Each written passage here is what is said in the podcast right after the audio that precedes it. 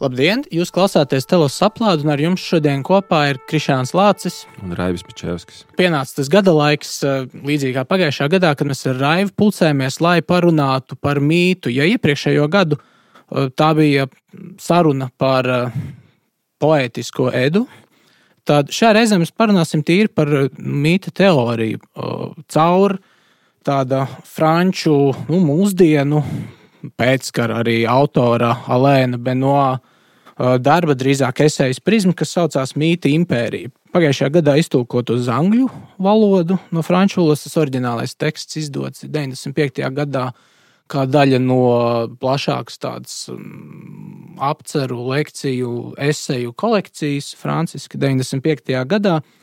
Benoā ļoti ražīgs autors, raksta par visu iespējamo, bet nu, filozofs, domātājs mēdz asociēt viņu saistīt tieši ar nu, politisko domātāju, franču jauno labējo teorētiskais pamatotājs. Un te ir runa nevis par mūsdienu jauniem labējiem, bet uh, par cik uh, Benoā dzīve arī ir diezgan gara un ilga bijusi līdz šim brīdim. Runa ir drīzāk par 60. un 70. gadiem. Tādā teorētiskā ziņā franču jaunie labējie. Pēc tam daudzas viņa idejas pārmetās uz Vāciju, Un, nu, varētu teikt, šodien caur tādu kā nacionālu populistu un daudz arī labējo partiju renesansi Eiropā, nu, varētu teikt, dažādas eh, Benoā domas ir jau kļuvušas par pamatstraumi Eiropas politikā kaut kādā ziņā. Bet uh, viņš nav tikai politiskais domātājs, viņš ir vienlaikus arī neopagāns, ja tā varētu teikt, uh, mīta, etnogrāfijas, arī Eiropiešu identitātes teorētiķis. Nu, kas viss tik viņš nav. Bet šodien mēs tiešām parunāsim par Benoā, bet ne tik daudz par, manuprāt, ne par viņu, svarīgāk par mītu un ko mēs no mīta varētu mācīties šodienai. Tas pirmais nošķīrums, protams, ar ko grāmatā cīnās pats Benoā, manuprāt, pārliecinoši ir nošķīrums starp mītu un logos. Un tad šajā stāstā, protams, logos ir tas eh, ļoti vienkāršot izsakoties sliktais, eh, kas aizklāja mītisko, eh, un tad mīts ir tā īstais sākotnējais, tā īstā parādīšanās, esamības atklāšana un, un īstā īstenības izteiksme valodā. Ko nu, filozofiskā domāšana pakāpeniski ir aizsegusi. Un viņš piedāvā tādu nelielu Uh, vēstījumu un interesanti neliela tāda vēsture, kā mītiskā domāšana aizklājās. Un interesanti, ka viņš nu, kā kristietības kritizētājs un arī kā monoteismu vispār kritizētājs, un arī kā neopagāns.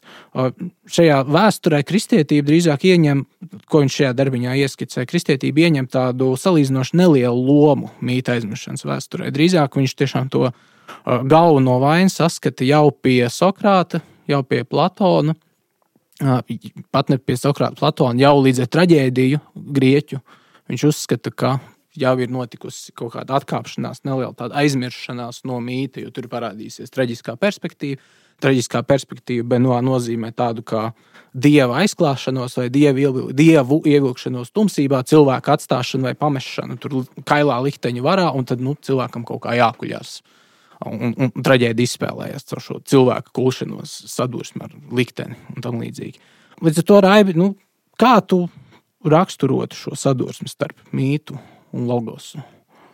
Nu jā, es domāju, ka varbūt pie arī Benoā raksturojumiem noteikti sākumā vajadzētu uh, pateikt uh, to, ka viņš šodien uh, pats arī atskatās savu dzīvi arī šajā tekstā par mītu, bet arī citos Eh, tomēr saka, ka būtu nepareizi, ja mēģinātu viņu klasificēt kā to, ko viņš pats sauc par mūsdienu uh, operas druīdismu. Tas ir, ka ja mēs mēģinām, vai dažas grupas un daži cilvēki mēģina šodien atgriezties uh, arhaiskos laikos, piekopt dažādus rituālus, uh, tos eh, tomēr um, Benoā uzskata par tādiem simulakriem un identificē kā drīzāk tādas civilizācijas vai kultūras attīstības fāzes, proti, civilizācijas. Viņš turās tur pie Osvalda Špenglera kultūras posmu, ehm, attīstības posmu klasifikācijas eh, un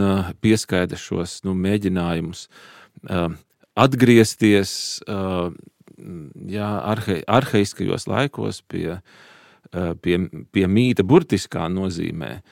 Drīzāk tos viņš uzskata par to, ko viņš sauc par sekundāro reliģiskumu civilizācijas fāzē. Un būtu laikam nepareizi, ja mēģinātu viņu pašu ja redzēt šo operas druīdu, ja saimē. Bet, nu, bet es varu vienu citātu, lūk, ar ko jā. darbs beidzās. Politiskā dimensija īstenībā ir sekundāra šajā tekstā, bet ar ko viņš beidzās, un ko varētu arī saprast kā tādu politisku deklarāciju. Lūk, Atgriezties atpakaļ pie mītnes skaidrības nozīmētu piedzīvot tādu revolūciju, it kā nebūtu bijusi revolūcijas. Ir nepieciešams ļaut mitologēmām runāt pašām par sevi un vienkārši ieklausīties. Un tas būtu kailākais no sākumiem. Ar to viņam noslēdzās. Tad atgriešanās pie mītnes kaut kas revolucionārs, bet es saku, nu, ka mūsdienās Benoā nu, šo atgriešanos neskatītu kā nezinu, pulcēšanos birstalās, kā jā, baltajiem tēviem. Un... Jā, tomēr ne tā. Taču, ko viņš grib uzsvērt, jā, arī e, aktualizējot šo pretnostatījumu vai vispār šādu lielu, jā, lielu um, savulaik arī ne tikai 20. gadsimtā lielu nozīmi ieguvuši jēdzienu, jā, pretnostatījumu, proti, logos un mīts. Um, nu, nezinu, nu prāts un, un mīts, vai racionalitāte un mīts. Viņš ar to tomēr grib teikt, ka laikam gan mūsdienu kultūrā pietrūkst arī zināms uh, slānis cilvēku un uh, realitātes attiecībās, uh, ko savulaik mītiskā domāšana vai mītiskā runāšana ja, pār pasauli un cilvēku, un cilvēku arī runāšanu. Tātad līdz ar to pašam par sevi laikam gan uh, spēja šīs attiecības um, kaut kā aktualizēt, realizēt daudz labāk. Uh, un viņš tiešām runā par to, lai mēs uzmanīgi ieklausītos um, arī arhaisko seno mītu stāstos, saskatītu tajos noteikti simbolisko vērtību, saskatītu tajos arī noteiktas, noteiktu ētosu, jā, tātad noteiktu ētiku, un, eh, protams, ar tādu domu, ka eh, mītu stāsti ir stāsti, kuros noteiktā arī poētiskā ja, kvalitātē, noteiktā uh, stāstījuma kvalitātē, ja, tajā narratīva plūdumā cilvēks tiek uh, E, iesaistīts. Pirmkārt, jau nu, sastopās ar arī zināmām uh, situācijām savā dzīvē, kuras tiek mītu formā uh, aprakstītas un cilvēkam piedāvāti arī noteikti orientieri, vērtības un skatu punkti, kā viņš šīs situācijas dzīvē var, var izdzīvot un kā tās varētu ja, ar tām tikt galā. Par uh, pašu mīta problēmu uh, uh, gribēju pateikt varbūt pāris vārdus, jo paralēli uh, mūsu šīs sarunas materiāliem nu, reiz ir tā, ka lasu vienu Ernsta Ingera grāmatu. Un uh, arī Ingers ir autors, kas daudz par mītiem ir runājis, uh, un mītu tēmu uh, tieši arī 20. gadsimta kontekstā uh, ir um, pacēlis kā svarīgu. Un tur viņam ir divas līdzības un šīs līdzības sāta varbūt pašā sākumā gribēja jau pieminēt. Eh, proti, viņš apraksta situāciju, ja, kurā mēs, piemēram, pēc vairākiem gadiem dzīves, vai arī kāda iemesla dēļ esam eh, nezinu, vai nu spiesti pārvākties, vai, vai vispār nezinu, atstājam kādas noteikti dzīves telpas, izvācam visas mēbeles, eh, noņemam gleznas no sienām, Uh, jā, viss šī apkārtne, šīs telpas mums ir bijušas gadiem pazīstamas, un tad pēkšņi aiz noņemtās glētnes mēs redzam tapeti, kas ir uh, palikusi sākotnējā vēl. Sākotnējās krāsās, sākotnējā spožumā, kamēr citādi gadi uh, tapetes citās istabas vietās ir izbalinājuši. Jā, un uh, viņš sastapšanos ar mītu raksturo kā šādu sastapšanos ar tapeti aiz gleznas jā, kura pēkšņi ir te spoža jā, mūsu ierastajā, tajā ikdienišķajā dzīves plūsmā. Jā, uzrunājoša, atgādinoša par to, kas reiz mēs bijām, par mūsu jā, pagātni. Nu, un otra līdzība, ko viņš arī izmanto, lai raksturotu mītu, ir ar tādu zem, zemes sakņu sistēmu. Ko mēs varam varbūt atklāt tad, kad mēs rokam ar lāpstu ja, zemi, izceļam šīs saknes ar visu to, kas ir slēpts mūsu acī līdz tam ārā, saules gaismā un saules gaismā. Visas šīs smalkā, sīkā sakņu sistēma arī, protams, mirst. Un ir redzama, bet nav savā dzīvīgajā funkcionalitātē, dzīvīgajā mm, raksturā vairs, vairs esoša. Un uh, to viņš līdzību grib piesaukt, lai teiktu, visdrīzāk ar mītisko domāšanu, ja mēs to īpaši pretstatām tādai uh, modernākai, tajā skaitā arī zinātniskai un filozofiskai domāšanai, ir līdzīgi. Ja mēs to sākam analizēt, izcelt saules gaismā, tad tā šķiet kā tādi bāli pavadieni, kas šodien vairs nedod spēku, bet ja mēs to atstājam zem zemes, tad tie baro joprojām arī mūsu Uh, būšanu pasaulē arī joprojām te un tagad. Man šķiet, ka tekstā to viņš vairāk kā arī uzsver, ka mītiskais uh, slānis, ja to var nosaukt, un ne tikai obligāti apziņas slānis. Uh, man šķiet, tā ir viena no šīs grāmatas spēcīgajām pusēm, ka viņš visu laiku mēģina iet prom no mītnes, subjektīvas interpretācijas, ka tas ir kaut kas, kas ir no cilvēka nezinu, psiholoģiskajiem dziļumiem, vai no viņa personības dziļumiem, vai no kaut kādām funkcionālām vajadzībām vienkārši projicēts uz pasauli un tad kaut kā ieskaidrots atpakaļ iekšā. Un, jā, un Benoā uz, uzsver šo mītu objektīvu aspektu, tādu kaut kādu pārpersonālo. Un, un ko tas nozīmē? Tas nozīmē, ka nevis kā, piemēram, Jordana Petersona pieejā, šobrīd ļoti populārā. Mēs kaut kādā ziņā visus mītus lasām kā stāstus par cilvēku dvēseles vai personības tapšanas aspektiem, bet drīzāk nē, mīts ir kaut kas, kas norisinās ārpusē. Tā ir kaut kāda dziļāka laika dimensija, dziļāka lietu dimensija un dziļāka vispār visa kopsakara tādas eh, totalitātes eh, esošā veseluma um, izpratne vai stāsts par veselumu. Uh, kurš visu laiku fonā ir un kurš nav pazudis. Uh, vai, vai cik nezinu, cilvēks to būtu aizklājis ar, ar, ar nu, jā, varbūt ar kristietību, varbūt ar, ar, ar, ar tehnoloģiskiem stāstiem, varbūt ar zinātni. Uh, tas, ko viņš sauc par nu, mītisko perspektīvu, tiešām ir kaut kas tāds, kur, kuram mēs nevis, ne, pie kura mums nevis chronoloģiski jāatgriežas atpakaļ. Kaut kā pārlecot. Jo tā atkal to viņš kritizē, šo chronoloģisko pieeju. Tā viņam nāk no kristietības. Tad, katrs laiks, kā, proti, katrs brīdis kā kaut kas jauns, kas ir. Eh, nav saistīts ar visu iepriekšējo. Viņš uzsver laiku, to mītisko laiku, kā eh, pēctecību, kā kontinuitāti. Un tas nozīmē, protams, nu, šajā arī Benoā esejā, ka mītiskais nekur nav pazudis. Tas visu laiku, kā tu saki, fonā ir, kā šī aiz tāpēc kaut kur gleznais tāpēc vai zīmējums aiz tāpēc. Un, pie mītiskā var pieslēgties konkrētos brīžos, bet mēs nonāksim pie šīs pieslēgšanās beigās, šīs sarunas beigās, proti, kādu no jauna saslēgties ar mītisko. Bet, nu, atgriežamies pie manas piedāvātā sākuma nošķīruma par mītu un logos. Protams, jāsaprot, vispār, nu, kas ir mīts, kas ir mīts Benoā, kas ir mīts uh, vispār, ko viņš tiešām teksta sākumā pretstata nu, filozofijai un logosam. Un, nu, ja mīts ir stāsts, vēstījums, tad logos ir nu, filozofija vai ne, pie, pieprasa eh, demonstrāciju, pieprasa pierādīšanu. Viņš, piemēram, arī sākumā saka, de, nosaucoties dažādiem autoriem, ka mīts ir absolūti autoritatīvs vārds. Vai, nu, jā, absolūti autoritatīva patiesība, arī iedota patiesība, uzticēta patiesība. Kaut kādā ziņā viņš arī tur runā par mītu kā atklāsmi, nu, kaut kas, kas ir neapšaubāms un neapelējams. Uh, Savukārt, eh, nu jā, logos, logoloģiskā vai filozofiskā domāšana nu, prasa pierādīt patiesību. Ja, atkal, ja mēs skatītos uz tādiem pamatnošķīrumiem, tad vēlāk testā viņš, piemēram, teiks, ka uh, mīts ir tiešām kaut kas, kas ir atklāts, kur jēga ir atklāta vai jau iedota. Tā filozofija ir tā, kur jēgu mēģina noskaidrot vai izdibināt, izdibināt patiesību.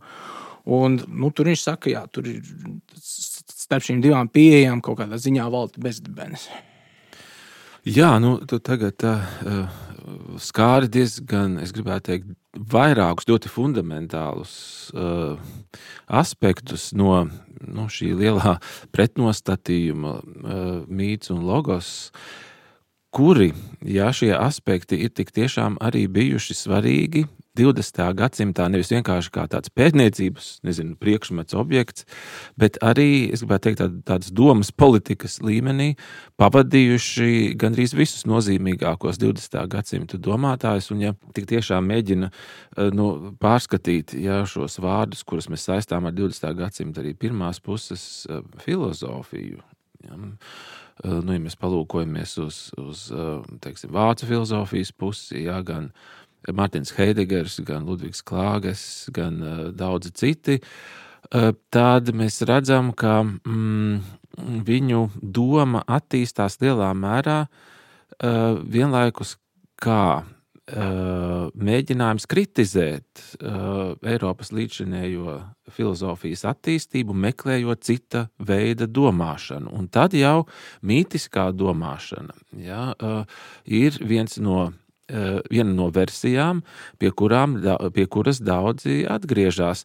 Savulaik eh, jā, tāds autors kā Walters Otto, jā, nevis reliģija pētnieks Rudolfs Otto, jā, bet Walters Otto, kurš Uz kuru viņš daudz atsaucas arī šajā šeit, esejā. Jā, esejā, jā, kurš sarakstīja grāmatiņu jā, Grieķijas dievi, tik tiešām eh, saviem laikabiedriem mēģināja piedāvāt jā, ieskatu tādā arhaiskajā Grieķijā, Jā, šķiet, Grieķijā, kas vēl pastāv paralēli, paralēli ar sengrieķu filozofiju vai pirms tās, un 20. gadsimta laika biedri, jā, tātad Doto laika biedri, uh, uztvēra to kā mēģin, reālu mēģinājumu atgriezties. Ja šajā arhīskajā laikā tas ir, tad, tad tā 20. gadsimta viņa laika biedru tā uztvere bija jau tāda sensitivizēta, ja, tik ļoti jau um, nu, mobilizēta tam, uh, ka uh, mums ir jāpanāk kāds pavērsiens kultūrā. Ja, un, un uh, šāda tipa darbi šķiet ir.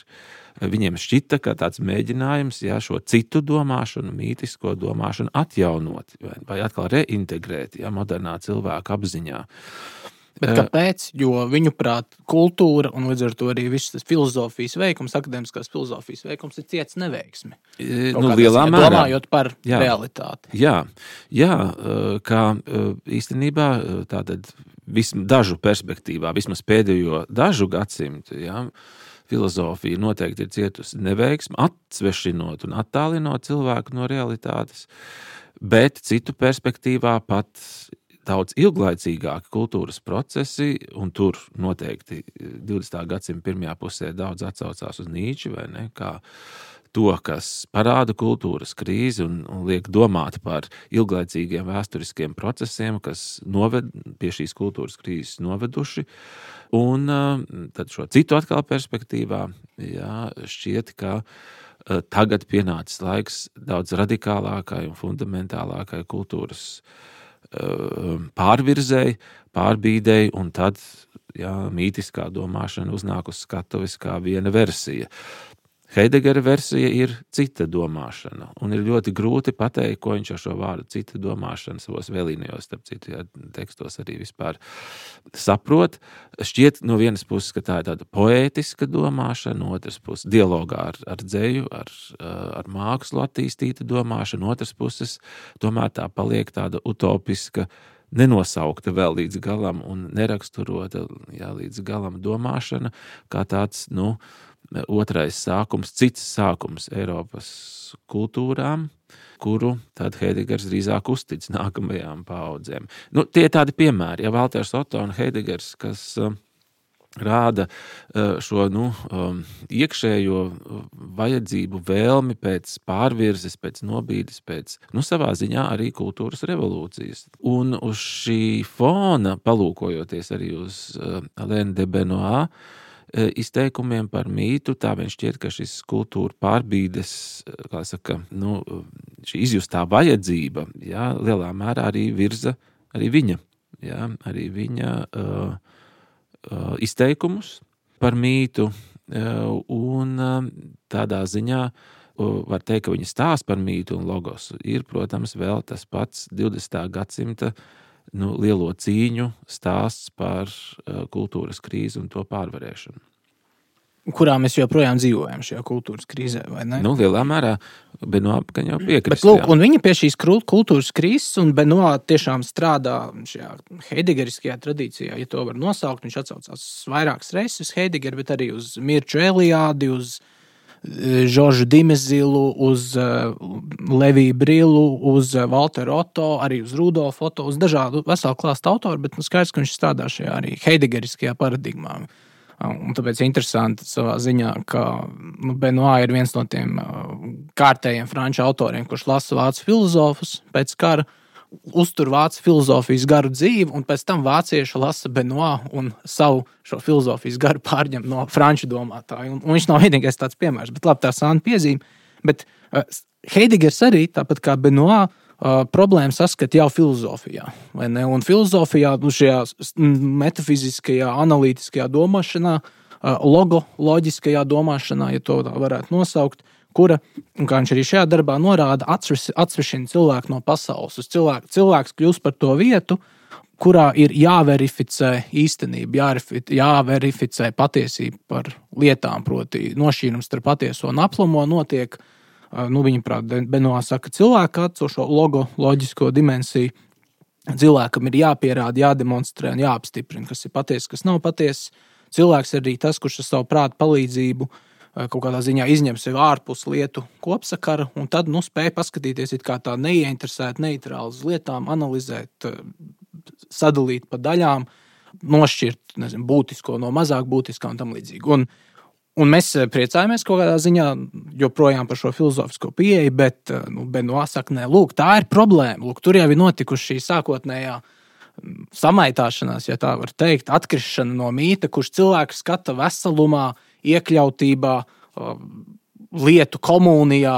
Viņš daudz runā piemēram, par, par sākot, sākumiem, kad cilvēks ir iemests šajā dažādu dabas elementu, kā arhē sākumu tādā jūrā, un tad nu, cilvēks nejūtas atsvešināts no šiem elementiem un īsti nebaidās no dabas, kas, kas manuprāt, nav taisnība. Ne, jo pagāniskā primitīvais cilvēks ļoti daudz baidās. Bet labi, šeit viņš to, to pagānismu negatīvismu īpaši neuztver, neuzsver, bet nu, tur ir tā, ka mīts, tā tad labi, veselums, cilvēks iedarās pasaulē, viņam nav nekas jāpierāda, viņam nav nekas jāskaidro, jo viņam jau ir skaidrība, viņš dzīvo jau šajā, kā viņš saka, mītā skaidrajā laukā, caur ko viņš saprot sevi un savas darbības. Un tad filozofs nu, ir atkal tas, kurš ir izņēmis sevi ārpus lietu kopsakarā. Viņam ir kaut kas jāpierāda, viņam tur ir jāpreparē, viņam ir jāanalizē. Un tur viņš saka, ka, piemēram, nu, Sokrāts, par kuru mēs arī priecājamies, saka, lūk, Sokrāts ir tas, kurš ir pirmais, kurš sāk domāt par sevi tur kā par subjektu. Un, nu, tas Benoā ieskatā jau arī nedaudz nodevība pret mītu, kur, kur, nu, jā, kur nu, jā, subjekts vai indivīds, kā indivīds, nemaz nav tik svarīgs, ir sekundārs. Ir tikai daļa no šīs lielās uh, elementu spēles. Jā, nu, es domāju, ka tur ir uh, šajā viņa domā, ko tu tagad raksturoji, gan jau ir svarīgi. Nu, vismaz divi jā, tādi aspekti. Viens uh, ir tas, ka mēs esam kopš sengrieķu filozofijas, protams, iemācījušies, un jauno laiku filozofiskās sistēmas un pieejas veids pasaulē ir pastiprinājusi šo apgūto perspektīvu uz pasauli, kura lielā mērā um, paredz, ka pasauli var principā uh, noteiktā analītiskā veidā izzināt, var to jā, kā tu saki, veikt nošķīrumus, var mērīt. Un ir viena pasāža, kas šķiet ir pilnīgi tāda paralēla Benoā izklāstiem, ja darbā par mītu, un atkal jau pieminētā Heidegera jā, tekstā mākslas darba sākotnē, ko Heidegers saka, akmens jā, guļ mūsu priekšā savā smagumā. Mēs varam šo akmeni mēģināt izkustināt, mēs varam to mērīt, jā, saskaņā ar kādu mēru sistēmu, mēs varam to nosvērt. Un šķiet, ka mēs esam ieguvuši zināšanas par akmeni. Bet akmeņa smagums paliek savā iepriekšējā nepieejamībā. Te mēs varam saskaldīt akmeni, sadalīt to daļās, nosvērt un izmērīt katru daļu atsevišķi. Mēs varam analizēt akmeni molekulārā, molekulārā līmenī. Un atkal akmeņa smagums paliek neskarts šajā pieejas veidā. Un mēs varam akmeni arī analizēt eh, kaut vai aristoteliski, filozofiski, vai ne? Pēc četru cēloņu schēmas, pēc uh, form, akmeņa materiālā, formālā, darbīgā, uh, galējā cēloņa.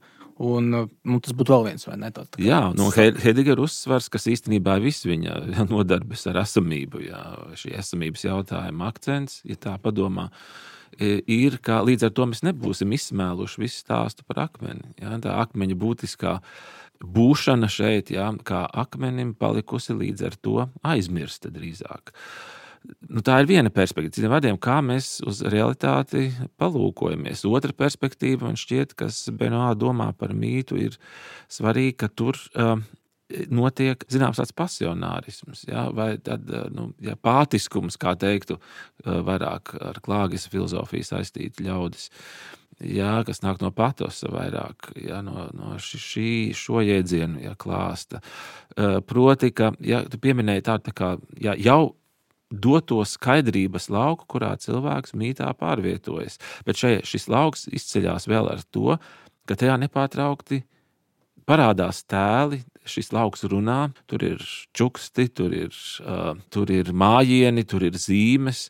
Ja, un šajā laukā cilvēks saliktās metafāras. Tēlam ļoti svarīgi, mītiskai vispār valodai svarīga lieta - saliktas piesātināts metafors. Jā, jā, vai vispār šis lauks ir piesātināts ar to, ko cilvēks drīzāk uztver. Jā, tad, tad tā kritika, ko 20. gadsimta daži ievērojami domātāji vērš pret, nu vismaz jā, jauno laiku filozofiju, ir tā, ka tā ir atsvešinājusi cilvēku tieši no šī runājošā, piesātinātā lauka, kurā viņš kā pasīvs uztvērējs vispār ļauj vai ir gatavs uzklausīt, kas pasaulē sakāms.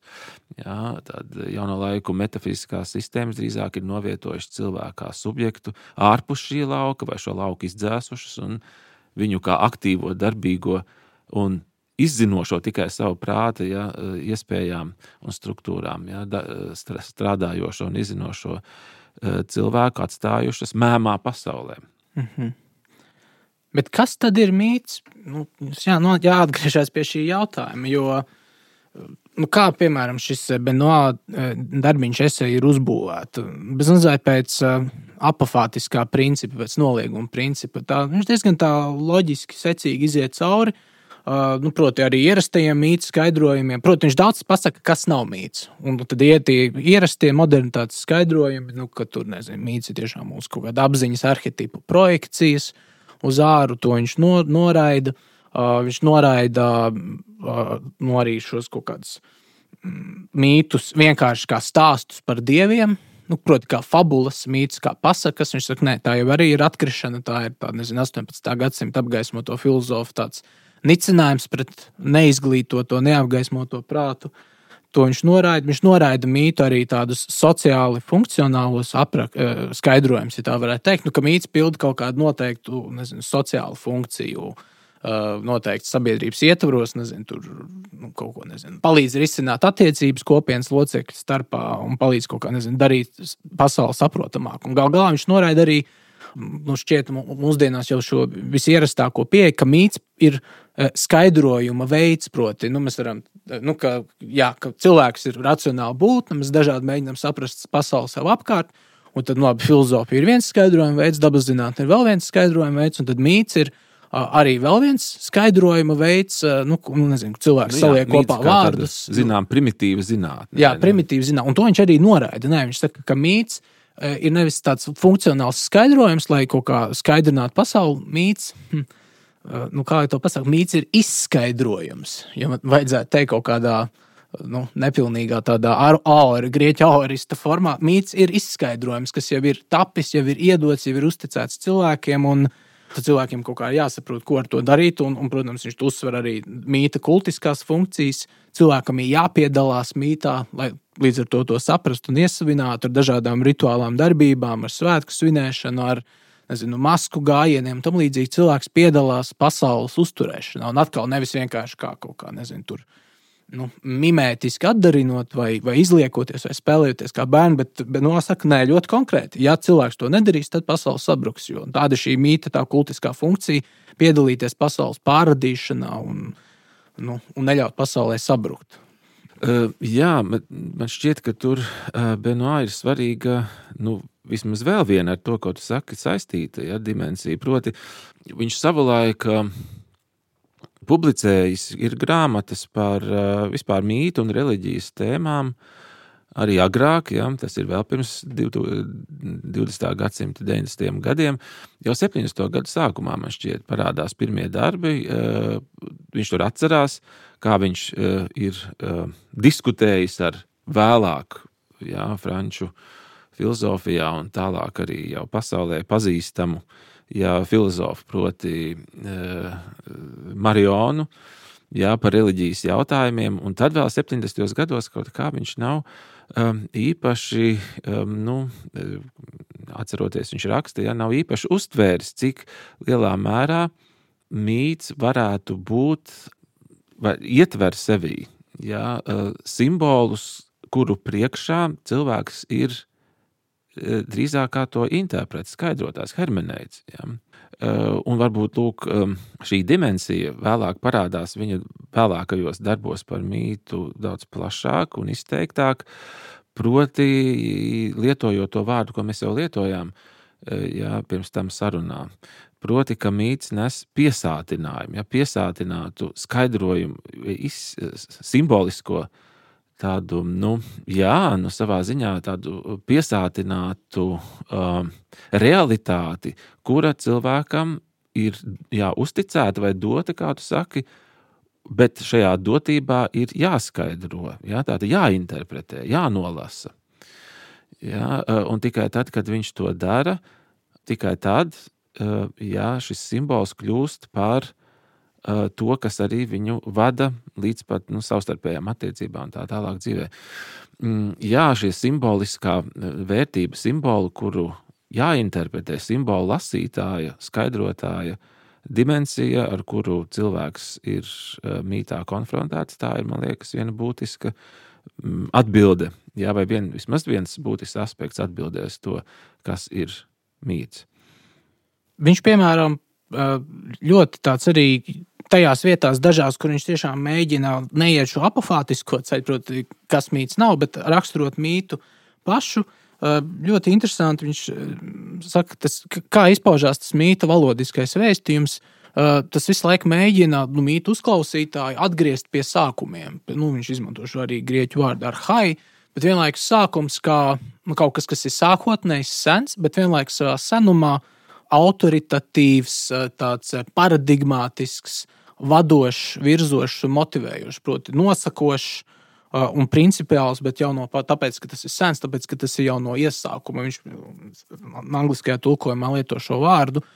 From time immemorial, no kopš neatminamiem laikiem. Viņš saka, tā ir mītiskās valodas, tāda nu, būtiska pazīme, un arī vispār mītiskā vēstījuma pazīme, ka tas uh, mīta lasītāji, klausītāji uztvērēji pārvieto it kā šajā neatminamo laiku uh, nu, dimensijā, ja tā var teikt, neatminamo lai, laiku laukā, kur vienlaikus ir autoritatīvi, tāda nosakoša. Viņš tiek iniciēts tajos pašos sākumos, nu, lietu sākumos. Un, un vienlaikus viņam arī ir jāpiedalās, viņam ir jāpalīdz lietām būt, viņam jādzemdina lietas, viņam ir jāpiedalās kaut vai tik. Uh,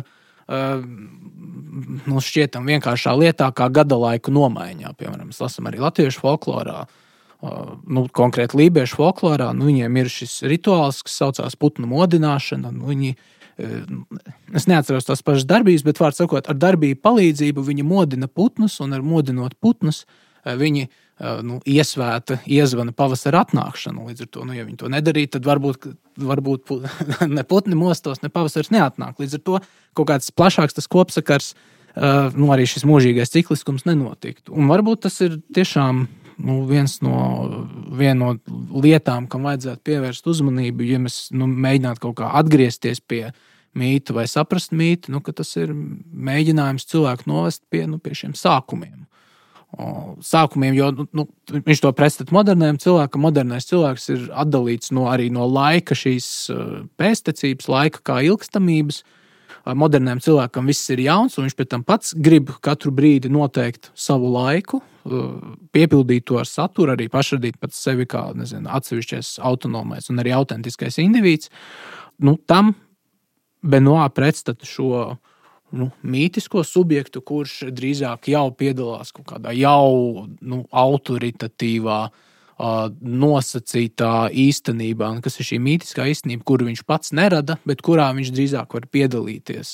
Nu, To pārdot. Jā, tā dalības ņemšana, piedalīšanās, participācija ir viens tāds spēcīgs motīvs, ja viņa mēģinājumā tematizēt mītu, bet to jau mēs noteikti labi arī zinām vai vismaz jā, esam arī no citiem autoriem, kas par mītu ir interesējušies, pie citiem lasījuši, no citiem uzzinājuši, cik svarīgs ir uh, stāstījuma motīvs pats. Ja? Tātad stāst, stāstniecība, stāstīšana, ja? mīts kā izstāstīts. Jā, jā mīts, kas mūs uh, savieno, kā tu saki, ar šo sākotni, ar laiku sākumiem, uh, bet eh, mīts, kurš bez stāstījuma, ja šī narratīva, mm, vai pēc sakot, šo savienojumu funkciju tas iegūst tikai tieši pašā stāstījumā. Ja, ka ir kāds, kas stāsta un kāds, kas uzklausa. Ja, un stāstījums ieved ja, cilvēku mītiskajā eh, šajā laukā, par ko mēs runājam, un sagatavo, lai viņš kļūtu dzirdīgāks, klausīgāks, uztvērīgāks. Un, uh, Jā, nu šo stāstījumu pusi uh, Benoā arī piemin. Uh, nu, ja padomā par dažādām versijām, arī mītu aktualizācijas versijām, uh, tad, um, ja mūsdienās, tad viņš pats arī saka, viņš nav tradicionālists. Ja? Viņš nav tradicionālists, viņš nav tas, kas runā par vienu universālu jā, pasaules uztveres tādu schēmu, jā, pie kuras mums vajadzētu atgriezties visiem. Um, nu, tā doma par mītu viņam parādās saistībā ar um, daudzām tradīcijām. Jā, daudzām tradīcijām, uh, un tālāk šī doma ir saistīta arī ar uh, viņa citiem filozofijas jā, aspektiem, proti, ar plurālismu, ar kultūru plurālismu, kultūru daudzveidību pasaulē. Mm, bet tas būtu varbūt vēl papildus un atsevišķs stāsts. Um, tomēr es gribētu jā, uzsvērt, ka mīts noteikti ietver šīs vairākās dimensijas, jā, stāstījuma dimensiju, šo pasionāro uz, uztvērīguma jā, dimensiju. Un, um, jā, un noteikti tāds pavadījums, kas mums līdzinējā sarunā gan jau ir bijis tāds vadošs, tās attiecības ar pasauli, uh, kuras, kurās cilvēkam šķiet, ka nav laupīta iespēja būt sarunbiedram jā, ar dabas un, un jā, dažādiem procesiem pasaulē, pret kuriem viņš vairs neizturās. Jā, kā tikai izzinošais jā, subjekts, bet ar kuriem viņš mītu tēlu, jā, pastarpinājumā vai caur šiem tēliem ir daudz ciešāk saistīts, varētu teikt, intīmāk saistīts. Jā, nu, piedalās un pazīst lietas, nevis vienkārši zina un, jā. un, un, un zina. Jā. Un, nu jā, un noslēdzot arī, nu, es gribētu, nu, lai saprastu, kas ir mīts, nu, piedāvāt tādu vēl vienu nošķīrumu, kur viņš pašā teksta sākumā norāda, paņēmis to no Dilteja, proti, nošķīrums starp saprāšanu un skaidrojumu. Un tad viņš saka, ka logos ir tā, tā šī skaidrojuma dimensija, arī filozofiskais skaidrojums, arī nezinu, zinātniskais skaidrojums, nu, mēs mēģinām saprast tās cēloņa saku sakarības, mēs mēģinām atdalīt elementus un kaut kādu pēc tam salikt kopā, tur sintēzēt. Uh, bet vienlaikus tie ir savā atsevišķībā parādās, un mēs mēģinām saprast šo elementu savstarpējās kopsakarības. Uh, viņš saka, un tas ir logoloģiskais, šis logos noteiktais skatījums. Mīts savukārt ir kaut kas, kas, nu, benoprāt, uh, Eh, darbojās vairāk saprāšanas laukā. Mīts ir tas, un arī kāds saka, stāstījums, teiksim, vienalga, vai tas būtu episkais stāstījums, vienalga pasaka, um, atsevišķs mīts par kādu objektu, nezinu, akmeņa vai ezera izcelšanos. Tas ir kaut kas, kas palīdz saprast cilvēkiem, nezinu, konkrēto fenomenu, konkrēto norisi, varbūt pašam sev vai pašam savu novietojumu pasaulē, bet atkal saprast nevis šīs uh, logosam raksturīgās demonstrācijas formā, bet nu, saprast, nu, nezinu, kaut kā. Nu, Lūk, nu jā, lūk, citā kā, formā. Jā. Dziļākā, bet kā, kā tieši dziļākā? E, nu jā, protams, tur varētu um, gan jau strīdēties par, par dziļumiem, jau un augstumiem. Uh, nu, gan jau jā, vairāk saprast uh, tādā veseluma formā. Nu, es jau gribētu teikt, arī diltēji jēdzieni, vai nesaprašana un izskaidrošana, tie jau savas saknes dzen no, no romantisma filozofijas laikiem, kur šī diskusija, modernā diskusija par saprast un izskaidrot, par mītu un logosu, mēs varētu teikt, jau ir krietni pavirzīta uz priekšu. Jā, mēs redzam romantismu perspektīvā, un, un Benoā nu, varbūt nevar tikt uzskatīts par tādu romantismu, varbūt adeptu, un tomēr Bet viņš tur labiem vārdiem runā par romantismu. Par romantismu jā.